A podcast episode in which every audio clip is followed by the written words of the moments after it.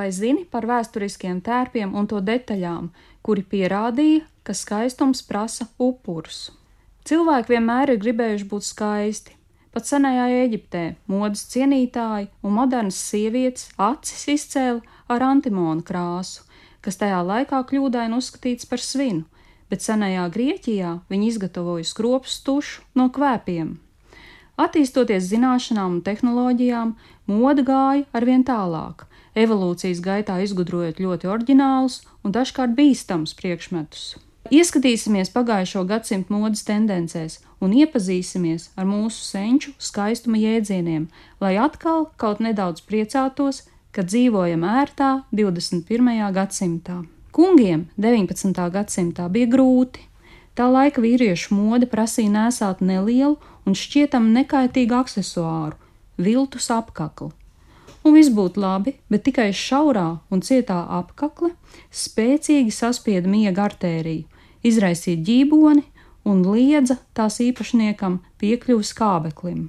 Šopinas, koka tupeles, čības, neatkarīgi no tā, kā viņi sauc šīs veneciešu kurpes, tās viduslaiku itāļu modes dāmām sagādāja daudz problēmu.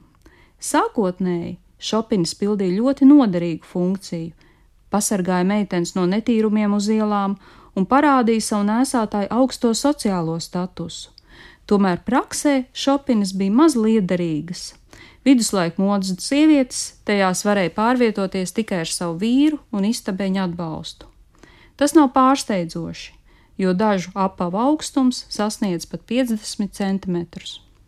18. gadsimta visneprātīgākajām modes dāmām nācās iztikt bez zaļiem tērpiem. Toreizējo meistaru rīcībā vienkārši nebija īstā pigmenta. Problēmu atrisināja nejaušs vācieša Karla Vilhelma Šīles izgudrojums, kurš mēģināja sajaukt varu ar arsēnu. Rezultāts bija izcils gan tiešā, gan pārnestā nozīmē.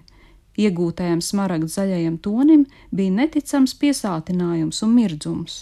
Drīz vien saviesīgie pasākumi bija pilni ar visiem krāsu toņiem. To ķīmiķis pieticīgi nodēvēja par šīles zaļo.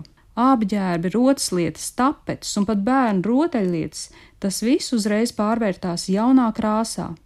Tikai tagad arvien vairāk dāmu zaļās kleitās neskāpēc sāk apmeklēt ārstus arvien biežāk, un zaļās tapetes Napoleona istabā savukārt noveda viņu pie saindēšanās. Tikai 19. gadsimtā šīle grīna pigments tika atzīts par indīgu. Kopš tā laika vara hidroarsenīts tika izmantots tikai kā pesticīds.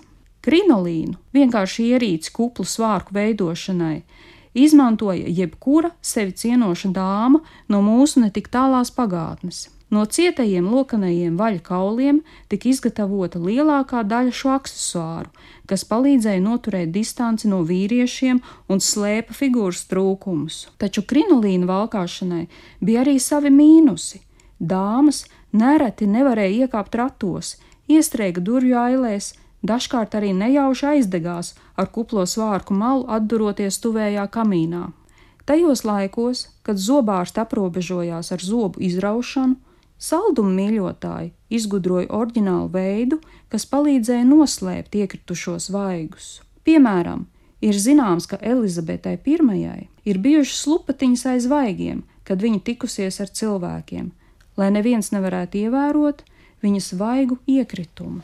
Strūklakas frizūra. Šī frizūra bija ļoti moderna 18. gadsimtā.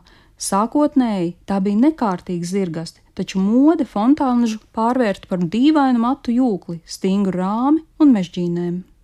Apgaismības laikmeta modes dāmas smērēja matus ar olu baltumiem, lai tos labāk saturētu, un lai gan kādu laiku matu strūklakas priecēja saimnieces, Laika gaitā olas sāk izdalīt nepatīkamu smaku. Nelaimīgo aristokrātu glābiņš bija smaržas, kas kādu laiku nomāca smaku. Tomēr problēmas ar matu strūklakām joprojām nekļuva mazākas. Dāmām ar šādu frizūru nācās gulēt tikai sēžot. Nitrobenzols ir ārkārtīgi bīstama viela, ko mūsu senči izmantoja, lai saglabātu apavu skaistumu. Lai gan līdzeklis var viegli izraisīt nopietnas veselības problēmas cilvēkiem, Ražotāji ilgu laiku ražoja līdzekli ar romantiskām un pilnīgi nekaitīgām etiķetēm, nitrobenzolu saucot par rūkto mandeļu eļļu, tās patīkamās smaržas dēļ.